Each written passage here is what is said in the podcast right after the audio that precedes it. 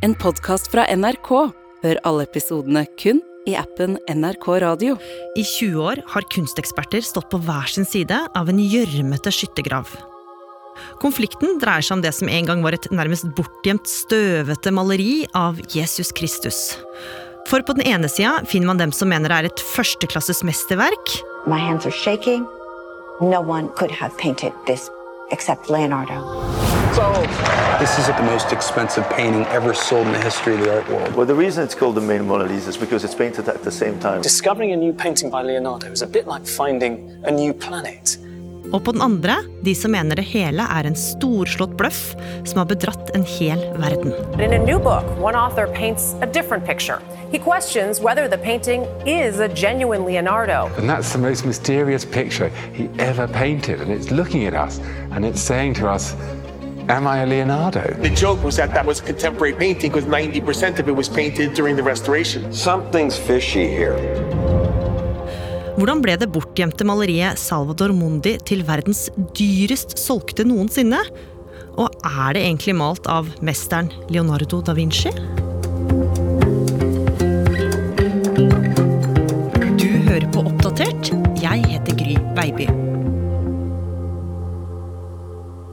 Det er ingen tvil om at verdens mest kjente maleri, Mona Lisa, som henger på Louvre i Paris, er malt av Leonardo da Vinci. Men det er ett maleri som ikke henger der.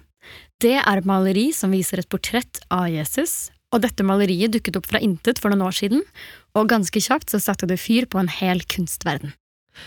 Kaja Kirsebom, du er journalist her i Oppdatert, og du har sett nærmere på maleriet som ble berømt over natta, og som ble solgt for en rekordsum for noen år siden. For det er altså en haug med mennesker som mener at det hele er en storslått svindel. Ja, og i den siste tiden har det kommet et par dokumentarer og en bok om dette mystiske verket, blant annet en fransk-dansk dokumentar, Da Vinci-mysteriet. Og der kommer det frem en rekke opplysninger som gjør at mange stiller spørsmål ved maleriet som heter Salvator Mundi, altså verdens frelser. Og hele rabalderet det starta med en kunstaksjon i USA i 2005. Ja, for i New York så oppdager to kunsthandlere et spesielt maleri. De hadde begge stoppet opp ved akkurat dette maleriet, og de lurte på om det kunne være et maleri som var malt av en mye større og mye mer velrenommert kunstner enn det auksjonshuset skulle ha det til. Dette maleriet viste et veldig kjent motiv i kunstverdenen. En Salvator Mundi. Det er et motiv hvor Jesus alltid løfter høyre hånd med fingrene i kryss, og det symboliserer et kors. Og hvor han i venstre hånd holder en kule. Og i dette spesifikke maleriet, som var i New Orleans, så kunne man se Jesus fra brystet opp, han hadde blå skjortel med gullkant, og kulen han hadde i hånden, den var nesten helt gjennomsiktig, altså glassklar. Og det var veldig tydelig for dem at dette ikke bare var et gammelt maleri, det var et skjørt maleri, det var malt på en treplate, og i katalogen var det datert til etter da Vinci.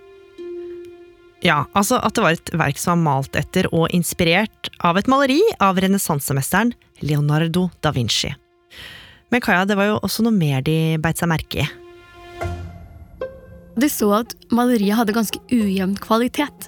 Det var tydelig at hodepartiet på Jesus var malt over, at noen i nyere tid hadde gått over, og som kanskje ikke hadde gjort en like god jobb.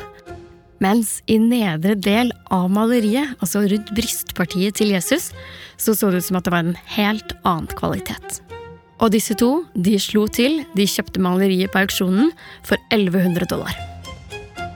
Ja, for nå håpa de jo at det kanskje skulle ligge noe mer spesielt og kanskje en skjult skatt bak det nyeste laget med maling, så det de gjorde nå, Kaja, det var at de tok det med seg til en ekspert. Og de to tok med seg maleriet i en stort søppelsekk til Diane Modestini. Og hun var ikke hvem som helst. Diane var en verdensledende konservator innenfor gamle malerier. En eksentrisk dame med store, runde briller i rød innfatning.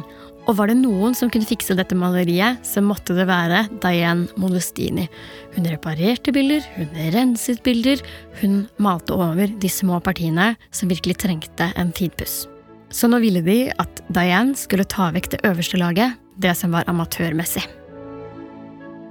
Så hun begynte med å finne fram løsemidler, neglelakkfjerner og whitesprit, og surra litt bomull på en tynn pinne, og begynte forsiktig å ta vekk det ytterste laget.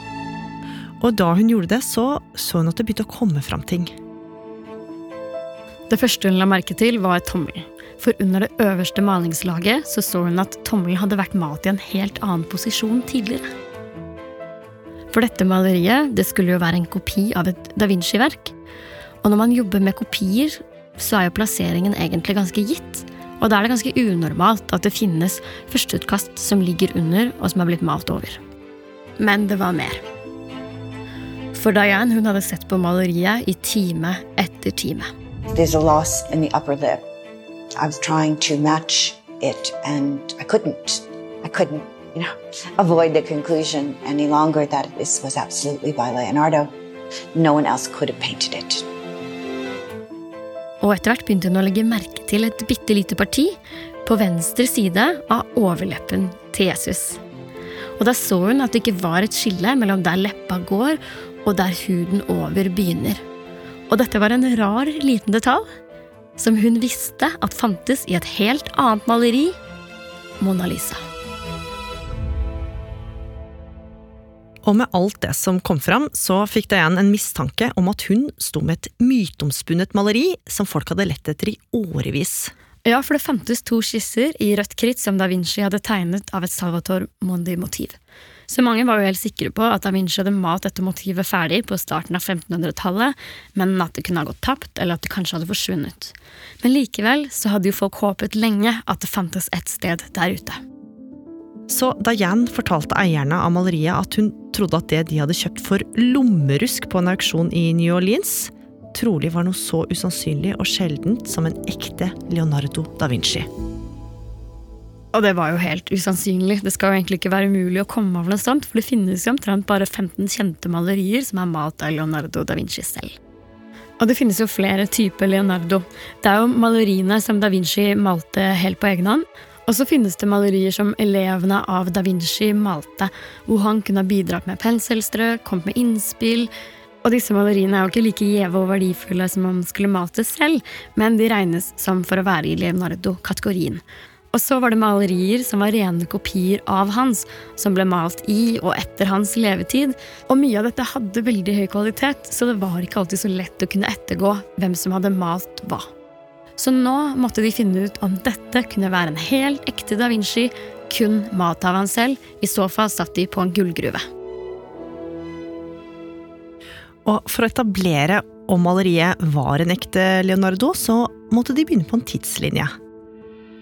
Ja, fordi når man skal se på gamle kunstverk og prøve å finne ut av om de er autentiske eller ikke, så begynner man å lage en tidslinje, altså en oversikt over eierne fra maleriet ble lagd og frem til i dag. Og det var det de nå måtte gjøre. Og når de begynte å spore opp hvem som hadde eid dette maleriet, så kom de seg helt fram til starten av 1900-tallet, men der stoppa det opp. Men så fant de noe mer, for gjennom gamle britiske oversikter så kunne man se at to konger av England hadde eid én Salvator Mundi. Men det var jo ikke sikkert at det var Leonardos Salvator Mundi de hadde eid. Så nå valgte eierne å oppsøke hjelp. De gikk til en museumskurator og kunsthistoriker på National Gallery i London, og han hjalp dem å samle en gruppe med da Vinci-eksperter som skulle vurdere om dette maleriet faktisk var en ekte da Vinci. Ja, nå ble de fremste ekspertene på Leonardo da Vinci i verden hentet inn fra både Oxford og Milano. De ble henta til National Gallery i London. Og inne på et rom så går de sammen. Der inne så står Salvator Mundi foran dem, og de bøyer seg ned, de titter litt, de kikker, og de studerer maleriet nære med et forstørrelsesglass. Men selv om de ikke konkluderte med noe under dette besøket, så skulle det snart vise seg at museumskuratoren hadde bestemt seg på egen hånd.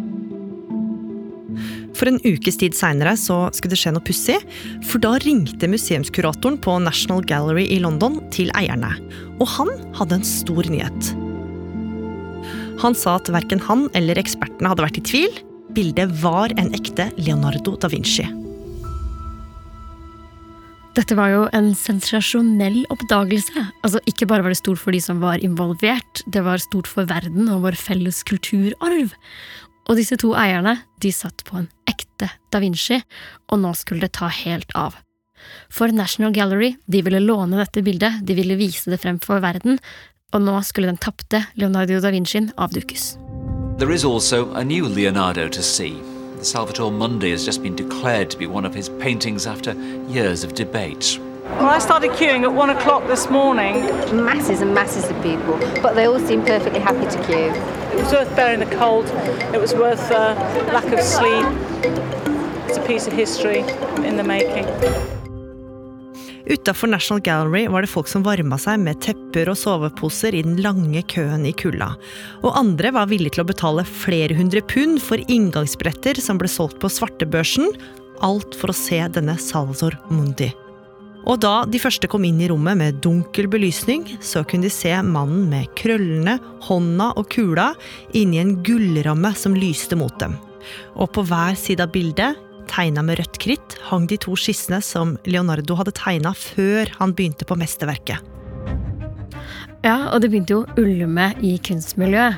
Det var veldig mange som syntes det var veldig rart at opphavet til dette bildet hadde blitt konkludert med så innmari fort, og i tillegg til at det bare hadde blitt gjort av noen eksperter på en liten visning. Og dette er jo egentlig en prosess som kan ta mange, mange tiår. Men det var andre ting kunsteksperter reagerte på. Særlig var det en kunsthistoriker som mente at krøllene til Jesus var for enkle, altså for simple. Og han mente også at hudtonen på Jesus var for amatøraktig. Det var en annen ekspert som kom inn og mente at fingeren på hånden til Jesus, altså den fingeren som viste et kors, at den var anatomisk feil. Og det var ganske merkelig, fordi Leonardo da Vinci er jo på mange måter den moderne anatomiens far. Vi snakker om fyren som har kutta opp lik og studert hvordan muskler og organer og ledd fysisk henger sammen på mennesker. Og da var det jo litt merkelig at han skulle bomme på akkurat det her. En annen ting var også at maleriet var malt på en skjør treplate hvor det gikk en kvist tvers gjennom. Hvorfor hadde ikke Leonardo da Vinci valgt et bedre underlag av bedre kvalitet når han først malte så få bilder? Og det at Diane Modestini hadde brukt fem år på å konservere bildet, var det flere som hang seg opp i. De syntes at hun hadde gjort en så god jobb med verket at de mente at det var større sannsynlighet for at det var et mesterverk av Diane Modestini enn Leonardo da Vinci selv. Og det at maleriet var så omstridt, og at eksperter hadde sådd tvil om det var ekte eller ikke, det skulle få konsekvenser. Eierne ville jo forsøke å selge det, så de fikk med seg en velrenommert kunstselger. Han banka på dør etter dør hos store museer og kunstinstitusjoner både i USA og Europa. Men det var ingen som ville ha dette omstridte verket. Helt til en russisk oligark en dag forelsket seg i det og kjøpte det til svimle 127 millioner dollar. Altså et godt stykke over de 1100 dollarene som kunsthandlerne først hadde kjøpt det for på auksjon. Men der skulle det ikke bli veldig lenge. Nei, for etter et par år så ville oligarken kvitte seg med det. Og for å sikre høyest mulig pris, i og med at det ikke hadde vært veldig lett å selge i forrige runde, så valgte han å gå for et helt spesielt auksjonshus, de beste i klassen, nemlig Christies i New York. Og høsten 2017 lanserte de en ganske syk kampanje. Med den kampanjen her, Kaja, så kunne det virke som at de hadde skjønt at de måtte spille på følelser, og enkelte spekulerte også i om det var for å dra oppmerksomheten bort fra hvem som egentlig hadde malt det. Ja, det var iallfall mye lettere å reklamere med dette som en verdenssensasjon, kontra om det var ekte eller falskt. Og det de ville nå, var å bli lagt merke til av de store kunstmuseene og milliardærer som samla på store kunsttrofeer. Og dette gjorde de på en ganske snedig måte. Ikke bare kalte de bildet The Last Da Vinci, så man skulle få en følelse av at dette var det siste store verket man måtte skaffe seg, de kalte det også The Male Mona Lisa, altså viste til Mona Lisa, verdens største maleri, du kunne eie den mannlige versjonen av verdens største maleri, og de sendte dette bildet på en slags verdensomspennende turné i byer hvor det var mye penger, og de lagde også en helt spesiell promoteringsvideo som tok av på YouTube. Det som er så spesielt med denne videoen, er at du ser ansiktene til mennesker som ser på verket, men du ser aldri verket. Og de står i et mørkt rom, og de ser på maleriet, og noen er forbløffet, noen er overrasket, noen har ansiktsuttrykk som indikerer at de aldri har sett noe vakrere før, og noen bryter ut i gråt. Og ved siden av at disse er helt vanlige mennesker, midt inne i videoen dukker det opp en helt annen karakter. En annen Leonardo, nemlig Leonardo DiCaprio.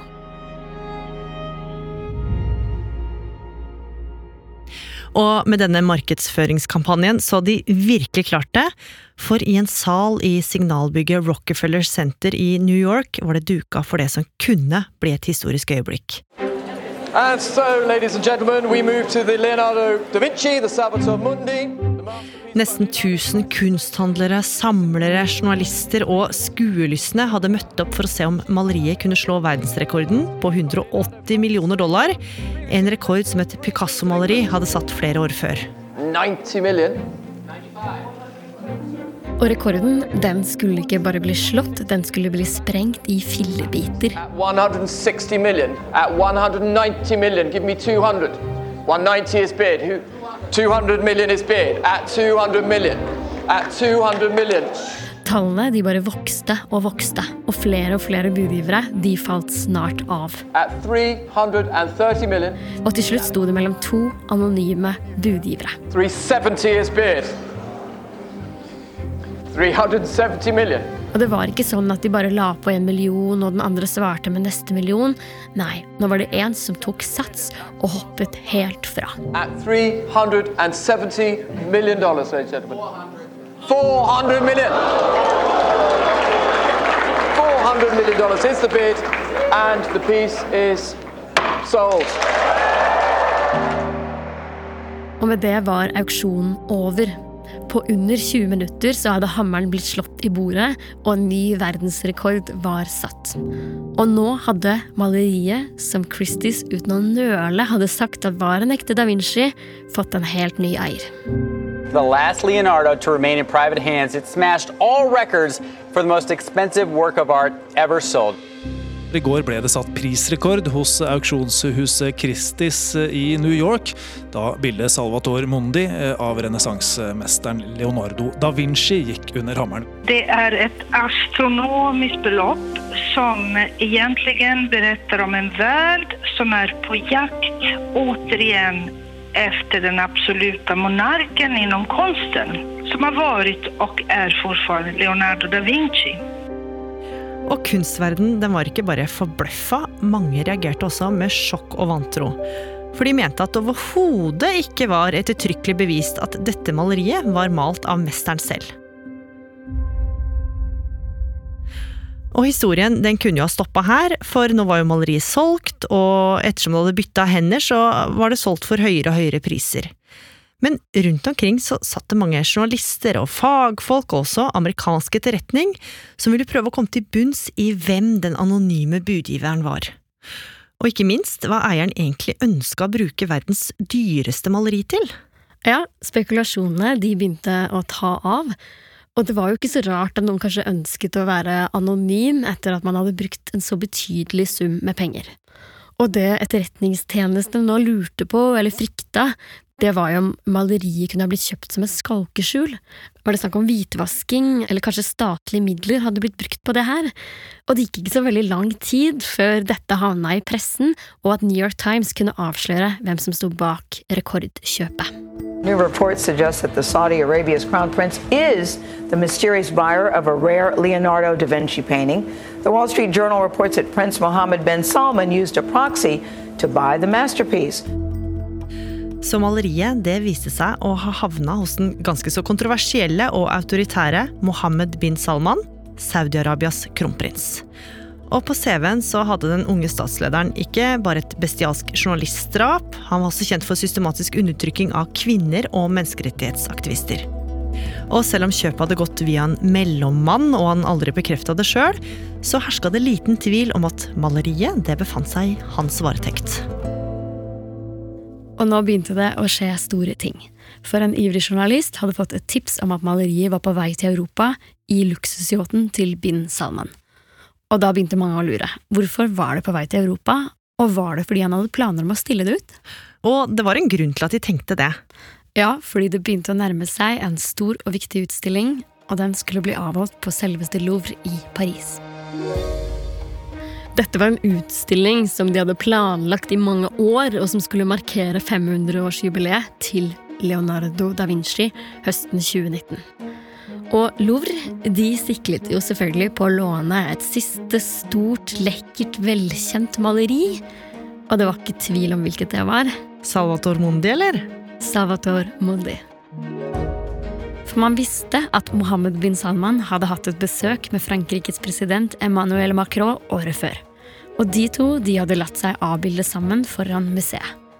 Og de hadde sikkert hatt veldig mye på agendaen under dette møtet, men en av tingene de kanskje snakket om, var nok kunst. For kronprinsen han hadde fått en privat omvisning og privat middag på Louvre. Og nå begynte jo mange å lure på om det kunne ha foregått en slags byttehandel på bakrommet. Altså at Louvre og Macron lot bin Salman stille ut maleriet sitt på verdens mest anerkjente museum, mot at Frankrike kanskje kunne få noe tilbake. Altså et slags storpolitisk spill. Og da utstillinga åpna, så hadde nok mange gleda seg til å se det nyoppdaga verket henge sammen med andre mesterverk av renessansemaleren. Men Salvator Mundi glimra med sitt fravær. Og under pressevisninga før åpninga så kunne det se ut som om beslutninga var tatt i siste øyeblikk, for på veggen Kaja, så hang det jo flere tomme kroker. Ja, det så ut som at bildet ikke hadde dukka opp. Og dette begynte å føre til ganske mange spekulasjoner, og flere journalister begynte jo selvsagt å grave. Og særlig så var det ett bevis som kunne tyde på at det hadde skjedd noe helt uventa.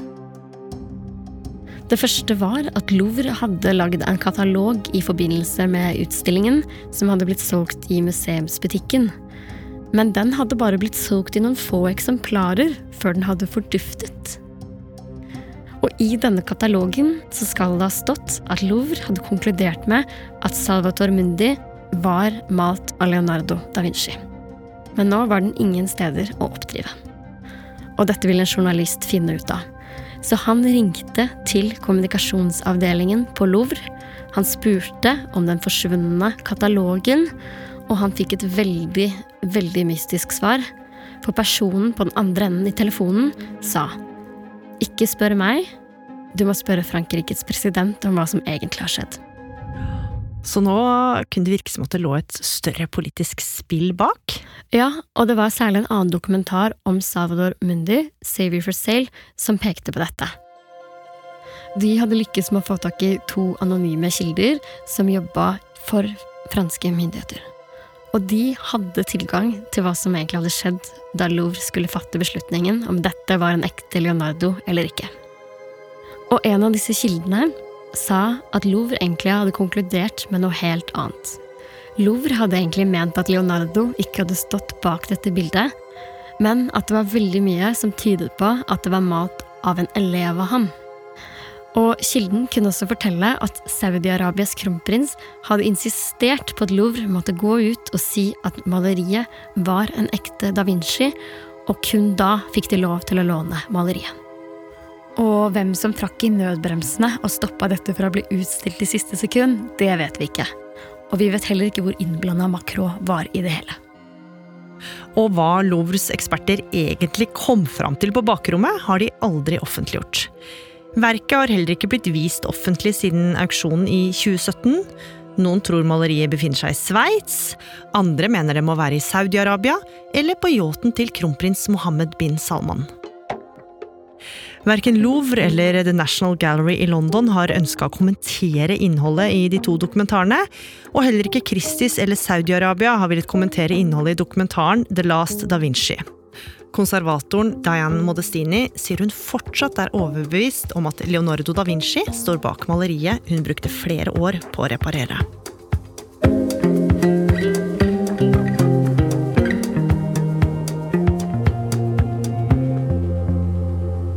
Oppdatert er en podkast fra NRK Nyheter, og denne episoden den ble laga av oss. Produsent Kaja Kirsebom. Lyddesign Espen Bjørlo Mellem. Andreas Berge. Vaktsjef Ina Swann. Og jeg heter Gry Veiby. Programredaktør er meg, Knut Magnus Berge. Klippene du har hørt, er fra BBC, New York Times, National Gallery, Christies, CNBC, CBS, Sony Pictures, The Value, The Aspen Institute, The Wall Street Journal og dokumentarene Savior for Sale og The Lost Da Vinci og NRK.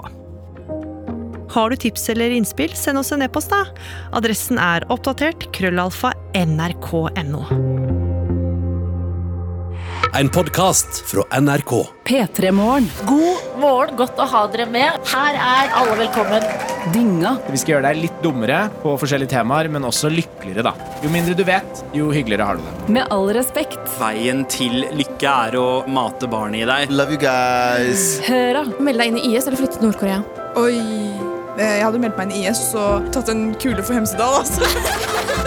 Alle episodene av podkastene, inkludert de aller nyeste, finner du kun i appen NRK Radio. NRK Radio. Vi hører sammen.